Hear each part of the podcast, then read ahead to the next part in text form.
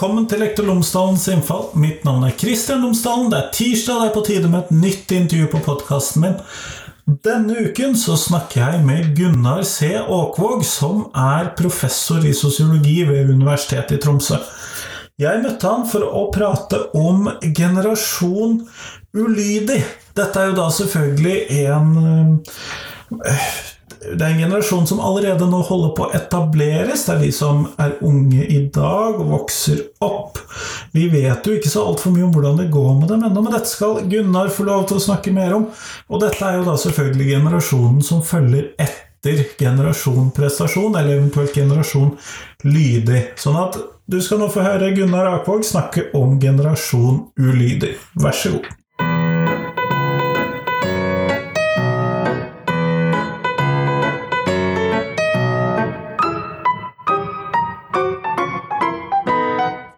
Gunnar Åkvåg, tusen takk for at du har tatt deg tid til meg i dag. Bare hyggelig å få lov til det. Før vi starter selve intervjuet, kunne du ha fortalt lytterne mine tre ting om deg selv, sånn at de kan bli litt bedre kjent med deg. Ja, Siden jeg er eh, sosiolog, da, eller samfunnsforsker, så får jeg nesten begynne med det vi er opptatt av, nemlig eh, yrke og sosial bakgrunn. Så jeg er da professor i sosiologi ved Universitetet i Tromsø. Det er mitt yrke. Og min sosiale bakgrunn er at jeg har da også en far som er professor i sosiologi.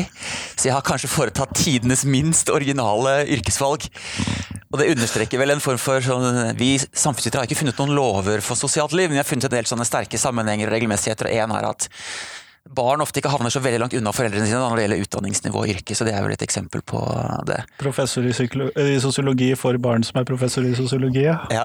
jeg tror det er et sjeldent tall. det er vel et sjeldent tall, men akkurat det at barn blir ganske like foreldrene sine og velger likt, det er ikke så sjeldent. Nei, det er det ikke. Eh, du har eh, vært aktuell med et eh, begrep som du hadde en artikkel om. Generasjon ulydig. Og da vil jeg egentlig starte med, hva mener du med det? Ja, Det er et interessant spørsmål, da, fordi jeg har vært interessert Jeg kan jo også si det at um, det, Jeg er sosiolog og samfunnsforsker, så det jeg har holdt mye på med, det er uh, å forske på frihet. Og det er ut fra en sånn idé om at uh, norske samfunnsforskere og sosiologer har vært veldig veldig kritiske. Så jeg pleier å liksom spøkefullt å si at tar du samfunnspessimismen fra en sosiolog, så tar du livsgleden fra ham eller henne med det samme. Så man har vært veldig opptatt av dette med ulikhet, og altså at uh, grupper som faller utenfor å bli stigmatisert. Og så har det liksom slått meg at, jeg, at vi, lever et, vi lever nok et av menneskehetens mest velfungerende samfunn. Så jeg har på en måte hatt lyst til å lage en liksom, positiv sosiologi provosere sosiologene litt. Da. Så jeg har kalt dem for, for positiv sosiologi og finne ut hva som funker i samfunnet. og Da har jeg opptatt av dette med, med, frihet. Så jeg har skrevet mye om det de siste ti årene og forsket på, skrevet mye om frihet. og Da har jeg hatt en sånn overordnet tese om Jeg kommer til poenget. Bare gå en liten omvei. Jeg har ikke noe problem med at du bruker litt tid på å komme til poeng. Ok, nei, men Det er godt å høre.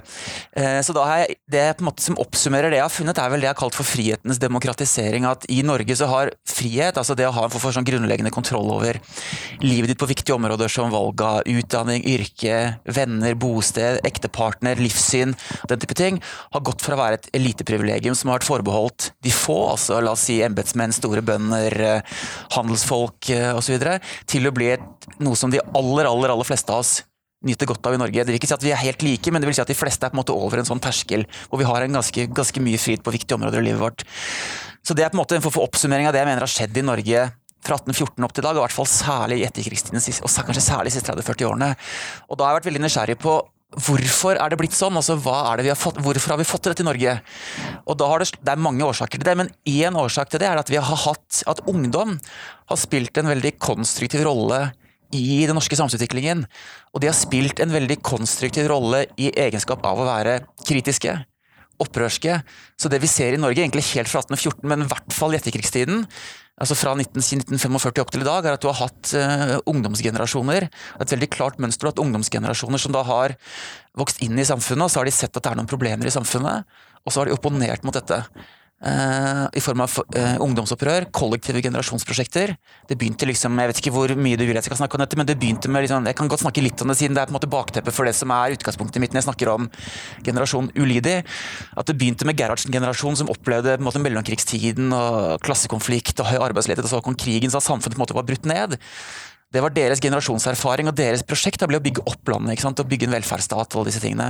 Og så kom da 68-erne, som er født røftlig 1940 til 1960, som er på en måte babyboomerne og barna til Gerhardsen-generasjonen. Motstand mot konformiteten i nettopp, den generasjonen. nettopp. Så det er, en veldig ut, det er den, kanskje den mest opprørske generasjonen vi har hatt i Norge. Det er en veldig sinna generasjon, og det de fikk av Gerhardsen-generasjonen, var jo Statens lånekasse for utdanning. Det var jo muligheter som ingen generasjoner har hatt tidligere, så da fikk vi bl.a. utdanningsrevolusjonen. ikke sant? At plutselig så begynte altså Da min bestefar tok artium jubileum i, rett, rett før 1940 så var det sånn at alle artianerne fikk offentliggjort navnet sitt i Aftenposten. Ikke sant? Så sjeldent var det å ta artium i Norge på den tiden. Ikke sant? Og det er vi to, for min del to generasjoner tilbake i tid. Men så kom jo da 68-erne og fikk da Statens lånekasse for utdanning og fikk disse mulighetene som Gerhardsen-generasjonen ga dem. Men de var da en veldig utakknemlig generasjon. At De gjorde på en måte et opprør mot det samfunnet som Gerhardsen-generasjonen skapte. Og mente at det var et veldig sånn rigid hierarkisk samfunn. Så de var da veldig, en veldig antikonform generasjon, da, som du peker på. Og Så kommer da min generasjon. Jeg er da født i 1972, så jeg tilhører da den generasjonen som kommer etter eh, 68-erne. Eh, og eh, uten å snakke altfor mye om meg selv, så hele mitt liv har liksom vært preget av at jeg har levd i skyggen av 68-erne. De har vært foreldrene mine, de har vært, lærerne, de har vært førskolelærerne mine, de har vært lærerne mine på ungdomsskolen og videregående skole, de har vært foreleserne mine, og nå er de kollegene mine. Når jeg har, når jeg har, søkt, når jeg har søkt, penger til et doktorgradsprosjekt, så har 68-erne sittet i vurderingskomiteen. Når jeg har disputert til doktorgraden, så har de sittet i vurderingskomiteen. Når jeg har søkt jobb på universitetene, så har de sittet i ansettelseskomiteen, osv. Så, videre, så, så hele mitt liv har vært å leve i skyggen av 68-erne. Det, så det har preget meg i veldig stor grad, og min generasjon, det som kalles ironigenerasjonen. Og vi som er født røftlig 1960 til 80, så vi er da generasjonen før deg, da, for jeg skjønte at du er født i, rundt 90-80-tallet. Ja. Eh, så det som ble vår greie, var også for at vi var lei av 68-erne. Det vi var særlig lei av, var at 68-erne var så utrolig politisk korrekte. De skulle redde verden og være så alvorlige og sånn. Så vi ble en liksom tøyse- og tullegenerasjon. Så det er liksom mønsteret at disse, disse, generasjonene har bidratt på sin måte. At Gerhardsen-generasjonen ga oss velferdsstaten, 68-erne ga oss mye mer antiautoritære demokratiske institusjoner, og min generasjon ga oss en form for sånn uformell hverdagsfrihet. At mange av de tingene som politiske korrekte syntes var fy-fy, det var helt greit for vår generasjon.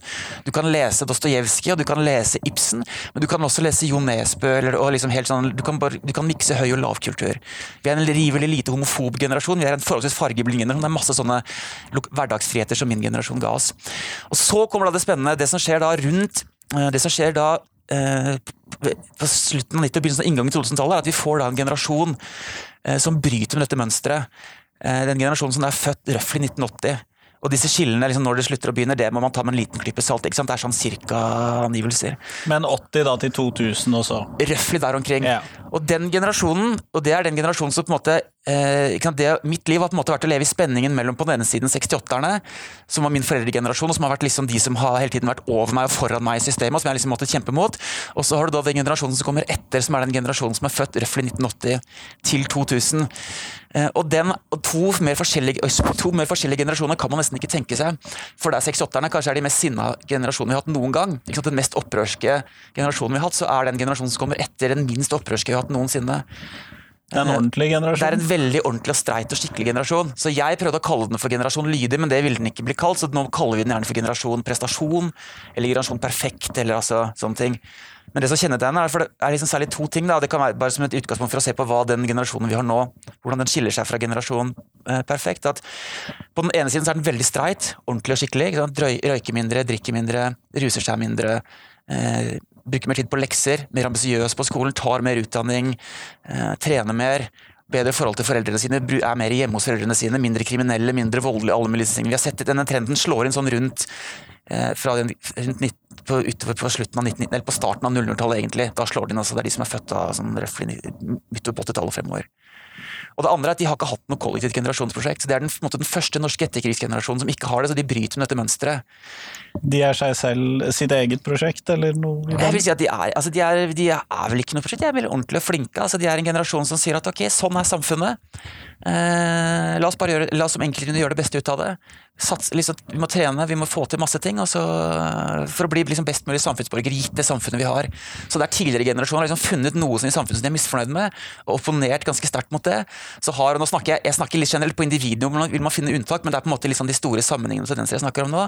Der ser man at det, det har ikke vært, det har ikke klart å utkrystallisere seg noe mer kollektivt generasjonsprosjekt for denne generasjonen. Det er masse, det er eksempler på enkeltindivider som er sinna, smågrupper, men det har på en måte ikke blitt en ordentlig stor greie. Du har på en måte ikke kommet over det kritiske massen hvor ting begynner å ta litt, da det blir stort og det påvirker samfunnet. Så det, er måte, så, eh, sånn det er den siste generasjonen vi har hatt. altså Det som man kaller generasjon prestasjon eller generasjon perfekt, eller som jeg har kalt generasjon lydig. Men det som skjer nå, er at nå er det jo en ny ungdomsgenerasjon som på en måte er i ferd med å eh, komme den er allerede inne i skolen. og vi, Jeg jobber på universitet, så vi er, som, er, nå står denne nye generasjonen for tur.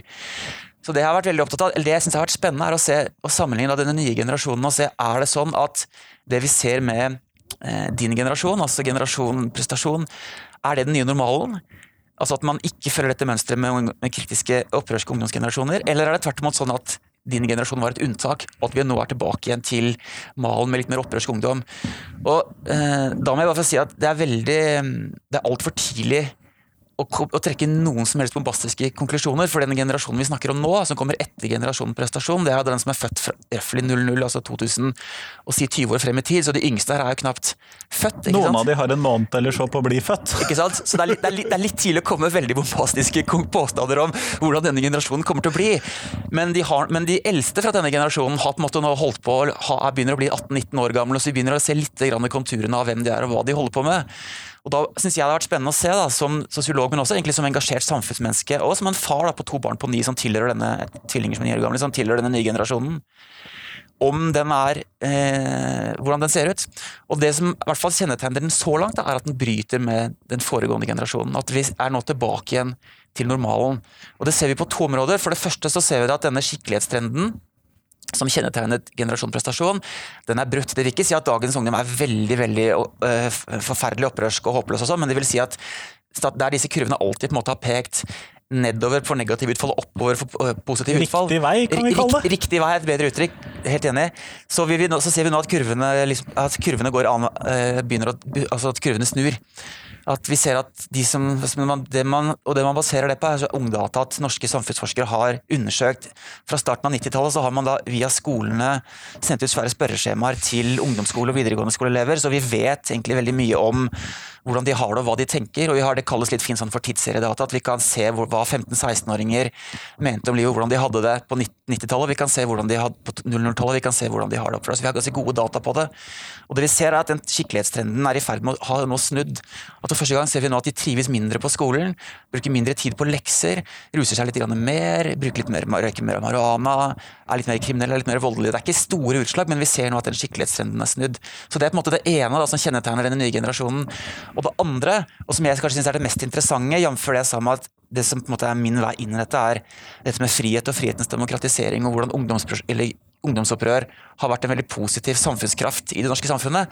Det er dette med at vi ser nå klare konturer av en, et nytt kollektivt generasjonsprosjekt, et nytt ungdomsopprør knyttet til dette med altså, klimaopprøret. Så Derfor så har jeg kalt denne generasjonen for da generasjon ulydig. Og Det kommer den sikkert ikke til å bli kallende, fordi generasjoner, i hvert fall særlig opprørsgenerasjoner, vil gjerne få lov til å gi seg sitt eget navn, og det syns jeg de skal få lov til. Men bare for, å, som bare for å putte en merkelapp på det, så har jeg kalt dem da for generasjon ulydig, for å få frem at de er mindre skikkelige sammenlignet med generasjonen før. Arbeidstittel. Det er en arbeidstittel, ja. Så får vi se hva den endelige tittelen blir på utgivelsesdagen. Så Det var en lang opptak, men altså det er eh, så Når du spør hvem er generasjon ulydig, så er det da denne generasjonen som er født sånn cirka fra 2000 og fremover og som da bryter den foregående generasjonen gjennom at både at den er litt mer uskikkelig, ikke veldig, men litt mer uskikkelig, og at den har et, virker som den er i ferd med å ha et kollektivt generasjonsprosjekt, nemlig dette klimaopprøret. Klimagenerasjonen kan jo være et tentativt annet navn for uh... Man kunne kalt det klimagenerasjonen, men, det, uh, men, det, kunne, ja, men det, det, er i og for seg et godt forslag, men det som da man ikke får klart nok frem, er at denne generasjonen også er litt mer opprørsk. Altså, det er ikke bare at de er påvirket av klimaet, men de ønsker også å ta tak i det de oppfatter som sin generasjon, så kanskje menneskehetens største utfordring per i dag, og så gjøre noe med det. Så det å kalle den klimagenerasjon mener jeg er litt for sånn passiv måte å omtale det på. Det å kalle den for uh, generasjon ulydig er litt mer aktivt. At det er noe de aktivt tar tak i og ønsker å gjøre noe med å forme. Så det er Derfor har jeg kalt dem da for uh, generasjon ulydig. Og Det er litt sånn, det er veldig forenkling. Sant? Sånn, generasjons debatt handler om at man slår sammen veldig mange mennesker som er ulike på veldig områder, og så putter man dem liksom i én stor bås og så kaller man dem generasjon ditt eller generasjon datt. Så det er masse problemer det, er masse variasjon i den, internt liksom, i disse generasjonene. Men det, det, det gir, er en mulighet til å liksom, få et litt sånn overordnet blikk på historien, historiske utviklingstrender og hva som kjennetegner ulike epoker og ulike ungdomsgenerasjoner. Hvordan tenker du at eh, dette vil eh, Hva dette vil ha å si for deg som universitetslærer, eller for meg som videregående-lærer? Jeg skal jo da stort sett være igjennom alle, hele dette kullet nå i årene fremover. Jeg har jo hatt de første. Du får snart de første av denne gruppen. Men eh, hvordan tenker du at det vil påvirke oss som undervisere? Ja, Det er et veldig interessant spørsmål. Og det er på en måte du i litt bedre posisjon til å svare på enn meg, siden du allerede har hatt dem i videregående skole noen år, mens vi på universitetene er litt sånn, vi lurer litt på, Nå kommer de til oss. Så jeg er litt sånn spent på hva vi faktisk får, da. Uh, og um, um, ikke sant, Siden jeg er sosiolog, så vil jeg si at, at, det er på den ene siden på den andre siden at det er liksom både og. Uh, og det jeg gleder meg til, da, det er å få en generasjon ungdom som er mer opprørske, uh, og som har litt mer egne meninger, og som er litt mer opposisjon. Noe av grunnen til at jeg begynte å være opptatt av generasjon lydig eller generasjon prestasjon, altså generasjonen forut, var at jeg er jo jeg, vil kalle meg selv kanskje en over gjennomsnittet samfunnsengasjert person. slik at Når jeg befinner meg i et bestemt sosialt miljø, nemlig universitets- og høyskolesektoren, så er jeg fryktelig nysgjerrig på hva som skjer i mitt sosiale miljø. Og et, En veldig viktig del av mitt sosiale miljø har vært studentene mine. Og jeg har grublet veldig liksom, på hvem er disse studentene mine, hva holder de på med? Jeg har slitt veldig med å klare å finne ut av hvem er de, hva holder de på med? Og så har liksom konklusjonen vært at de holder ikke på med noe. De er på en måte ingenting i den forstand at de har ikke noe kollektivt generasjonsprojekt, de er ikke noe opprørske. Og det syns jeg har vært kjedelig. Jeg husker da jeg hadde, eh, at, Dette er bare helt sånn personlige erfaringer, men det kan jo bare illustrere poenget at 68-erne eh, kunne da komme på en forelesning på universiteter eller høyskoler, og så kunne de ha en avsending på starten av forelesningen. Ok, foreleseren kommer, han vil snakke om det eller det, eller hun vil snakke om det eller det eller det. Vil vi at vedkommende skal gjøre det, eller vil vi heller arrangere våre egne forelesninger? Så kunne man ha avstemning, og så kunne foreleseren tape, professoren tape, og så måtte professoren gå. Og så arrangerte studentene sine egne forelesninger. Jo, det, ikke, det, var, det, skjedde ikke sånn hele tiden, men sånn holdt 68-erne på. ikke sant? Eh, og så kommer da min generasjon, og vi var også en ganske opprørsgenerasjon. Jeg studerte det som da jeg, jeg er sosiolog, så jeg tok det som nå, da er et grunnfag, og som nå tilsvarer på en måte bachelorgrad i sosiologi på midten av 1990-tallet på Øvre Blindern på Universitetet i Oslo. Og da husker jeg Vi hadde en foreleser som da hadde han tilhørte en retning som kalles innenfor sosiologien for funksjonalismen.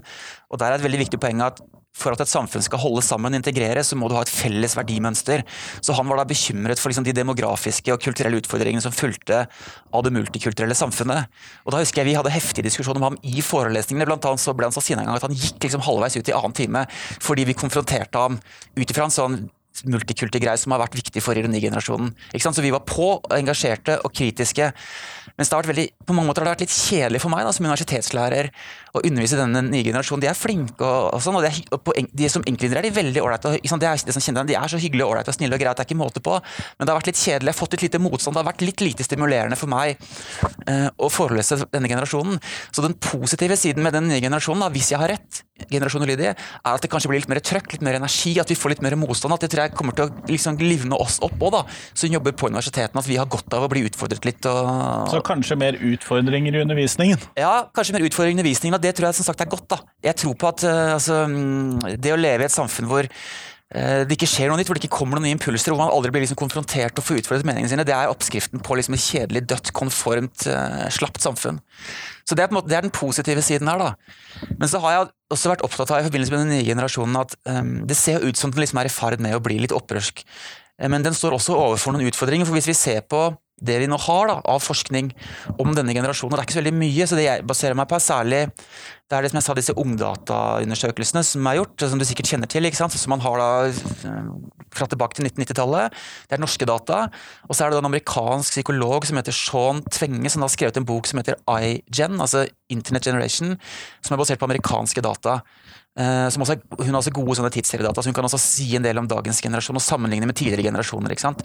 Uh, og Hvis man ser på hva disse dataene sier for noe, da, så er det også en del ting som man på litt generelt grunnlag kan være kritisk til, men som også kanskje kan være en form for barrierer uh, for denne generasjonen. Og Det er liksom mange ting. Altså, vi kan se liksom hvor mange av disse tingene vi vil ta opp. Men én ting er, som jeg personlig da, som universitetslærer bekymrer meg for, det er mangelen på intellektualitet. Eh, det er at hvis du ser på hva er det denne generasjonen bruker tid på, jo, de sitter foran skjermene. Så det, Dette er en generasjon da, med hjerner som har belønningssentre, som har liksom blitt kontinuerlig stimulert av liksom gaming og uh, bokser som skal åpnes og likes og you name it. Så det er en form for umiddelbar uh, behovstilfredsstillelse og øyeblikkelig glemsel. Så det er en veldig sånn uh, utålmodig, rastløs generasjon. Uh, og hvis du da skal Eh, fungere godt som student på et universitet, hvis du skal kunne ta tak i liksom noe så komplekst som miljøutfordringene, så må du sette deg inn og lese lange kjedelige, komplekse bøker. Så jeg er litt sånn usikker rett og slett på hvor om denne generasjonen liksom har det som skal til intellektuelt for både å bli interessante og morsomme eh, studenter på universiteter og høyskoler, og eventuelt om de, om de, de, har det som skal til da, for å ta tak i uh, klimautfordringene. Dette kan høres veldig sånn nedlatende ut, og sånn, men hvis man, Men det er en ny man, utfordring? Ja, for hvis, hvis, man ser, hvis, man ser, på disse ungdataene, da, så vil du se at 80 da, uh, av dagens ungdom bruker uh, minst bruker tre timer eller mer på skjerm.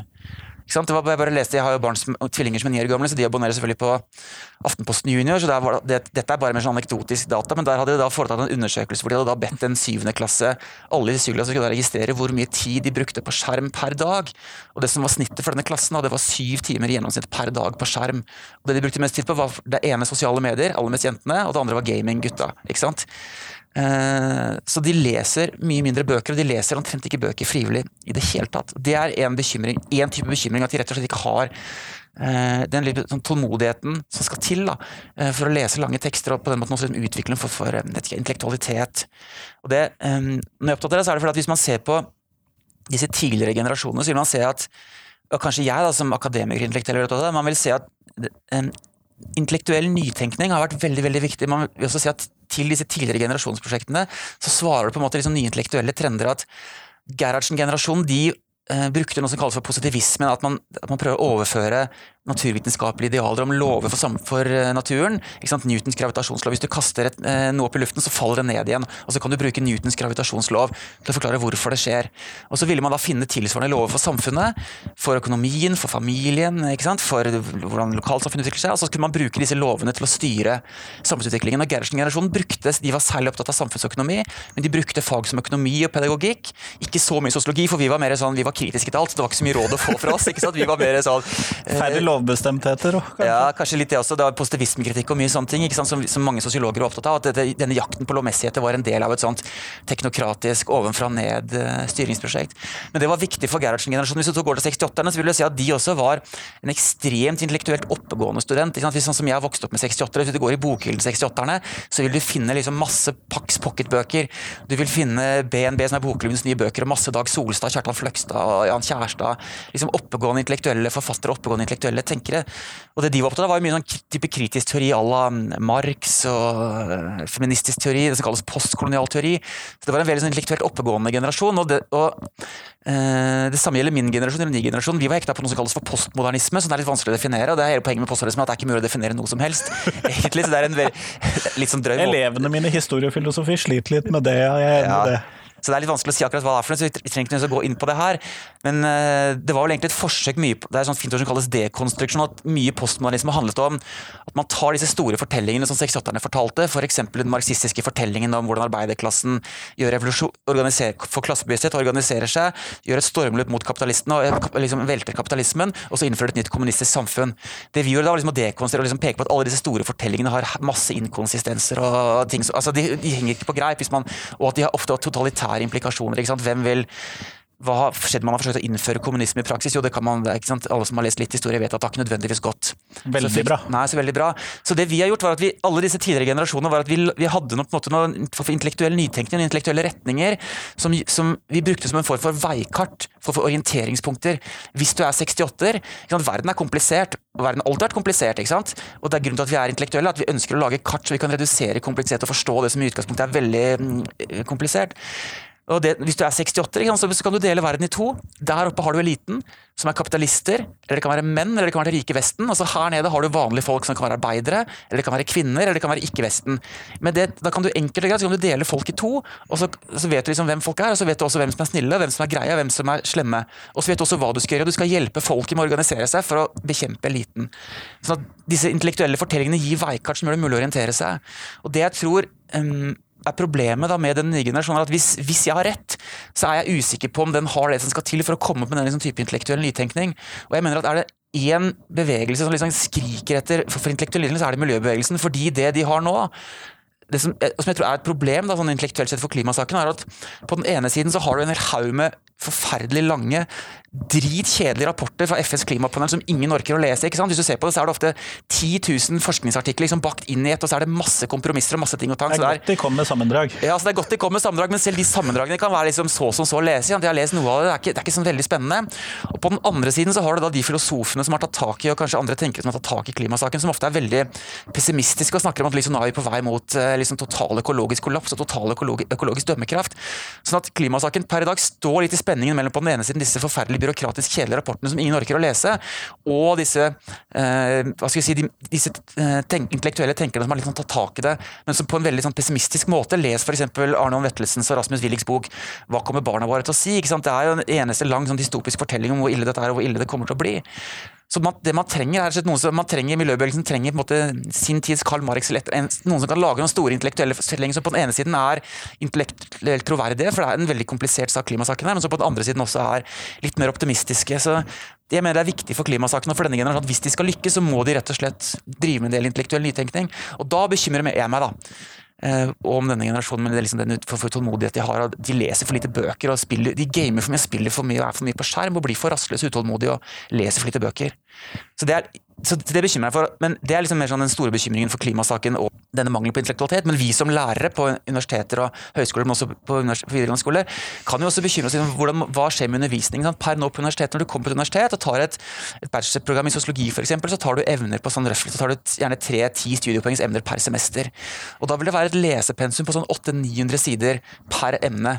Og da vil flere av de tingene, Noe av de lærer artikler, de vil være på sånn 20-30 sider, og så vil det være eh, bøker på kanskje 200-300 sider. Så du må rett og slett bare kunne klare å konsentrere deg over tid med lange, kompliserte tekster.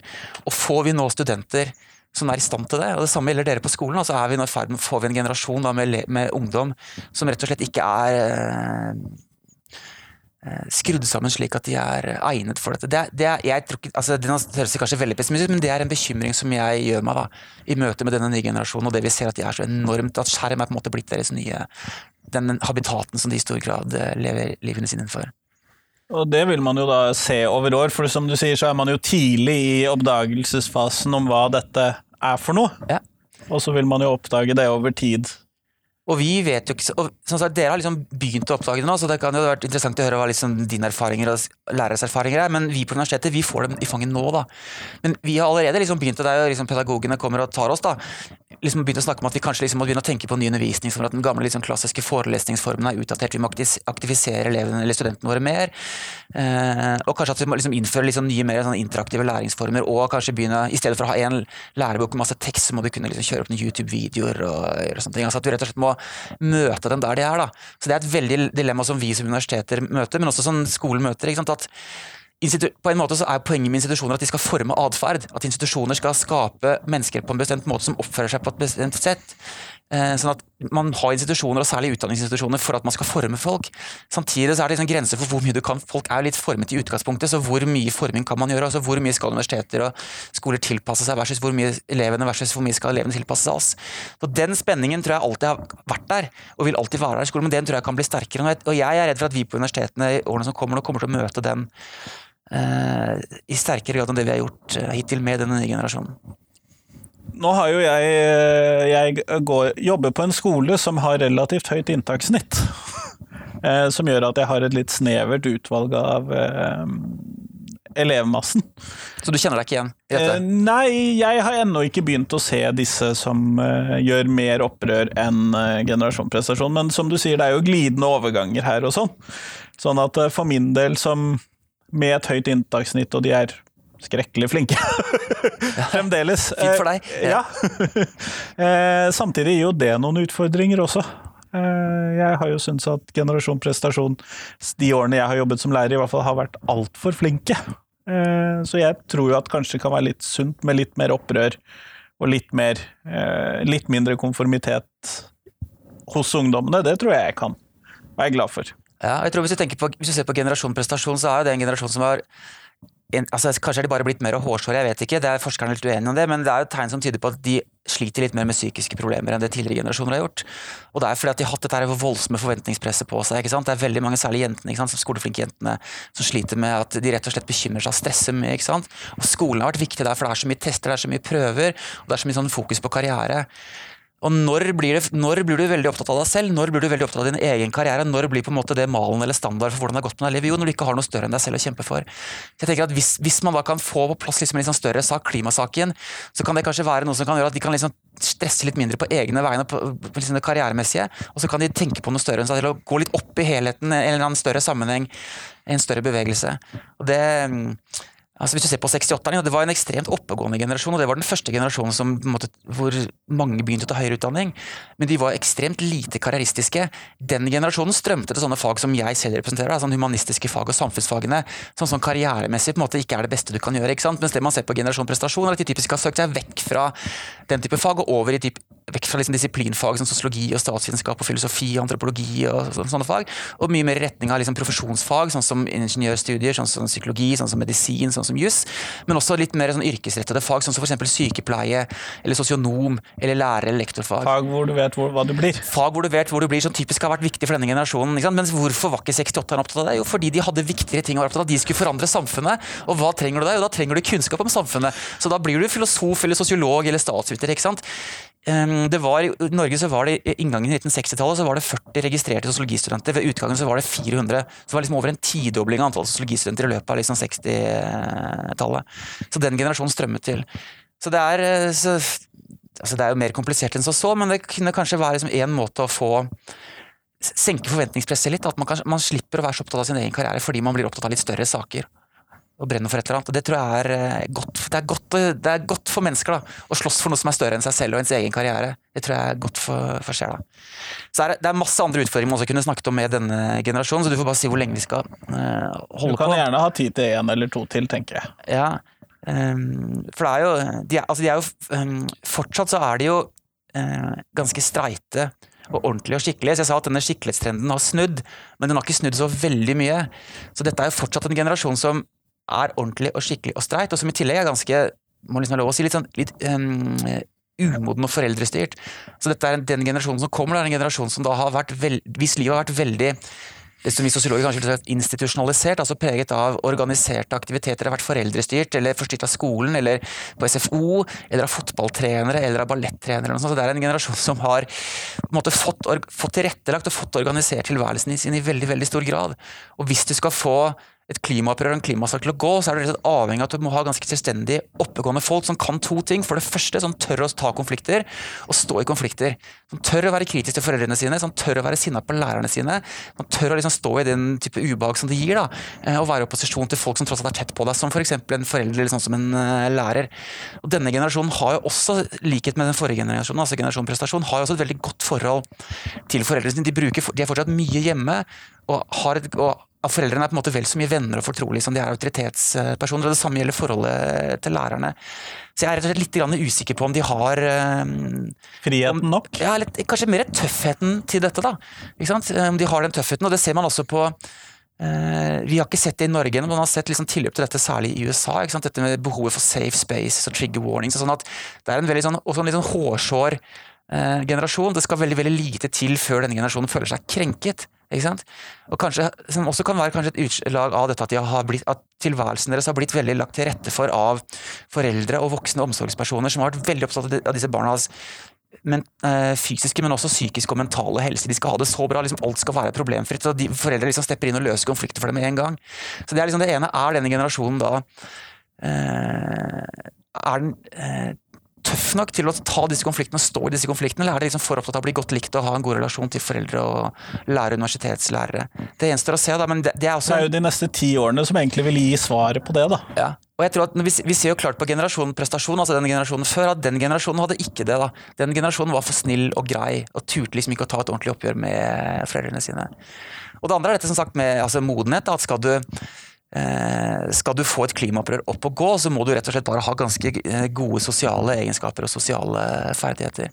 Og Spørsmålet er da om denne generasjonen som sitter liksom foran skjermene sine, er mye mindre ansikt-til-ansikt-aktive, om de rett og slett har de sosiale egenskapene og ferdighetene som faktisk skal til. Det er et svært spørsmål. Det, gjenstår igjen, da, som du sier. Også, og det er jo det som gjør det litt interessant, da, men også litt eh, krevende å diskutere, at vi vet fortsatt ganske lite om denne generasjonen. Men det vi ser hittil, da, er at de er fortsatt ganske så ordentlige og skikkelige og fortsatt litt sånn hårsår og sånn, så det er litt vanskelig å se for seg hvor sinte de egentlig skal kunne bli, selv om de har hatt klimabrøl og sånne ting. Og det andre er dette med altså, denne modenheten og evnen, liksom, evnen, til å organisere seg selv og sosiale ferdigheter og sånn, da. Så det er spennende å se. Altså Sosiale medier, som kanskje er liksom smart, smarttelefon, hvis man skal sette en merkelapp på det, så vil jeg kalle det smarttelefonen. Og den kommer for fullt sånn røftlig 2011-2012. Så det er ikke mer enn syv-åtte år da, ikke sant, at vi har hatt generasjoner, hatt ungdom som da har, har måtte fått livene sine organisert gjennom eh, smarttelefoner. Så det er, litt, det er litt for tidlig å se. Men det er grunn til å være litt eh, bekymret. Og det er også veldig interessant å se det er bl.a. noe som, jeg fortalte om Sean Tvenge, denne psykologen fra USA som har studert denne generasjonen med utgangspunkt i amerikanske data. at eh, 2011-2012, som er liksom det, det, det, året hvor da smarttelefonen kommer, så ser man at veldig mange av disse kurvene får seg en knekk. at Da ser man at, at ungdom rapporterer mindre velvære, mer depresjoner, mer angst, mer plager, flere selvmordsforsøk. og også flere, eh, altså Selvmordsratene stiger, sånn, så det er en del ganske negative trender som da slår inn. og Man ser også at de bruker da mindre tid ansikt til ansikt med jevnaldrende osv. Så, videre. så det er en del sånn eh, ting å være i hvert fall potensielt eh, bekymret for. Men altså Så Det er noen sånne positive ting, som, som mer engasjement, mer aktivisme, mindre, litt mindre sånn opprørs eller litt flere sånne opprørspunkter. Og så er det noen bekymringer knyttet til da mobiltelefon, litt psykisk helse fremdeles, eller psykisk helse, eh, og dette med intellektualitet, som du portretterer. Ja. Eh, sånn at eh, det, det, ser jo ut som vi står foran ti relativt spennende år i skolevesenet. da. Dere som er i skolen står overfor ti veldig spennende år, vi som er på universiteter og høyskoler gjør det, og vi også som er forskere på dette står overfor ti veldig spennende år. Så generelt er det spennende å være sosiolog og samfunnsviter og lærer eh, for tiden. Kjempeflott. Vi går mot slutten av podkasten, og da har jeg et fast spørsmål til alle jeg intervjuer. Og det er rett og slett hva vil du ha ut av skolen? Hva skal ut hvis du får bestemme? Hvis jeg skal bestemme, så skal religion ut av skolen. Og det er uh, Altså, jeg som jeg sa et par ganger, så har jeg barn som da er tvillinger på ni år. Og jeg, jeg, så at jeg på en måte jeg gjenopplever når jeg har et nytt møte med norsk skolevesen Jeg har ikke kommet så langt, de går i fjerde klasse, da. Men det som var på en måte mitt største sjokk, det er mye som har endret seg. Det er mye strengere krav til foreldreinvolvering, det er mer testing, og det er mye som er annerledes fra det selv på skolen. Selv om det er mye som er likt, men det Mitt store sjokk var hvor viktig religionsundervisningen var. Så Hvis man ser på de læreplanene, altså den ukeplanene som barna mine fikk med hjem fra skolen i første, andre og tredje klasse, osv., så, så vil man se at det står liksom engelsk skal dere kunne sånn og sånn, matte sånn og sånn, norsk sånn og sånn. Også i KRLE så skal dere kunne liksom sånn og sånn om Jesus og korsfestelsen, så skal dere kunne sånn og sånn om jødedom og synagogen, eller sånn og sånn om Koranen. Så det vil si at det inntrykket jeg fikk, var på at man, man, man sidestiller viktigheten av religion med eh, lesing, skriving, regning og engelsk. De lærte ingenting om eh, rettsstaten, demokrati, de lærte ingenting om evolusjon. Det var altså, enormt mange viktige ting som de kunne lært mye mer om. Sånn at jeg synes at, Hvis man ser i dag, så er det sånn at KRLE-faget på eh, barneskolen det er jeg lurer på om det er 427 timer totalt, det, det vil si, eh, som de da skal bruke i løpet av de formelige syv første årene sine på skolen. Rett nok så skal dette brukes, så er det, ikke, så er det ikke et rent religionsfag, det er et kristendom, religion, livssyn og etikk. Men alle vet at liksom 50% handler om kristendom, og så er det røftlig en tredjepart av de resterende halvpartene som går til andre religioner. Og da er, så det vil si at liksom To tredjedeler av det faget er i realiteten et religionsfag. Så det som, det som skal ut, jeg, vet, jeg, kjenner ikke timetallene for religion og etikk på videregående skole, men jeg antar at det er forholdsvis høyt. Så hvis jeg var, hvis jeg var utdanningsminister eller kunnskapsminister, så ville da, eh, om ikke religion helt så i hvert fall mindre religion, ta si at man tar bort halvparten eller to tredjedeler av den tiden man bruker på religion, eh, og så bruker man den på andre og viktigere ting. Og for, mitt, for mitt tilfelle så ville det være jeg sa at jeg har forsket mye på frihetens demokratisering. Lær mer om den norske modellen. Lær mer om hvor ekstremt, eh, delvis dyktig, men også flaks vi har hatt her i Norge, som har liksom fått kanskje verdens mest vellykkede samfunn opp å gå. Så ut med religion og inn med den norske modellen. Kjempeflott. Tusen takk for at du hadde tid til meg i dag. Bare hyggelig.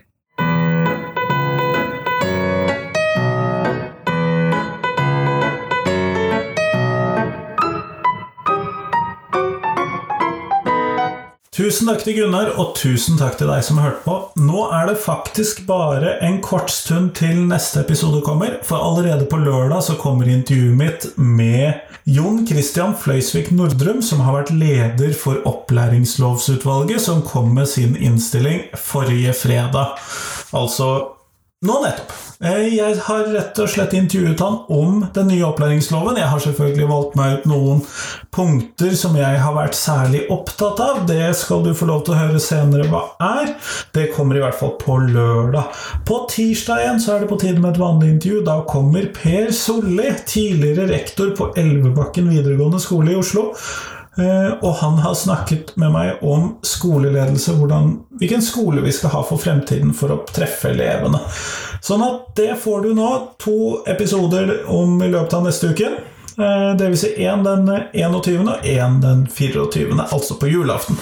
Så da har du noe å kose deg med mens du lager mat, eller venter på at de andre skal komme tilbake fra kirken, eller hva nå du gjør på julaften.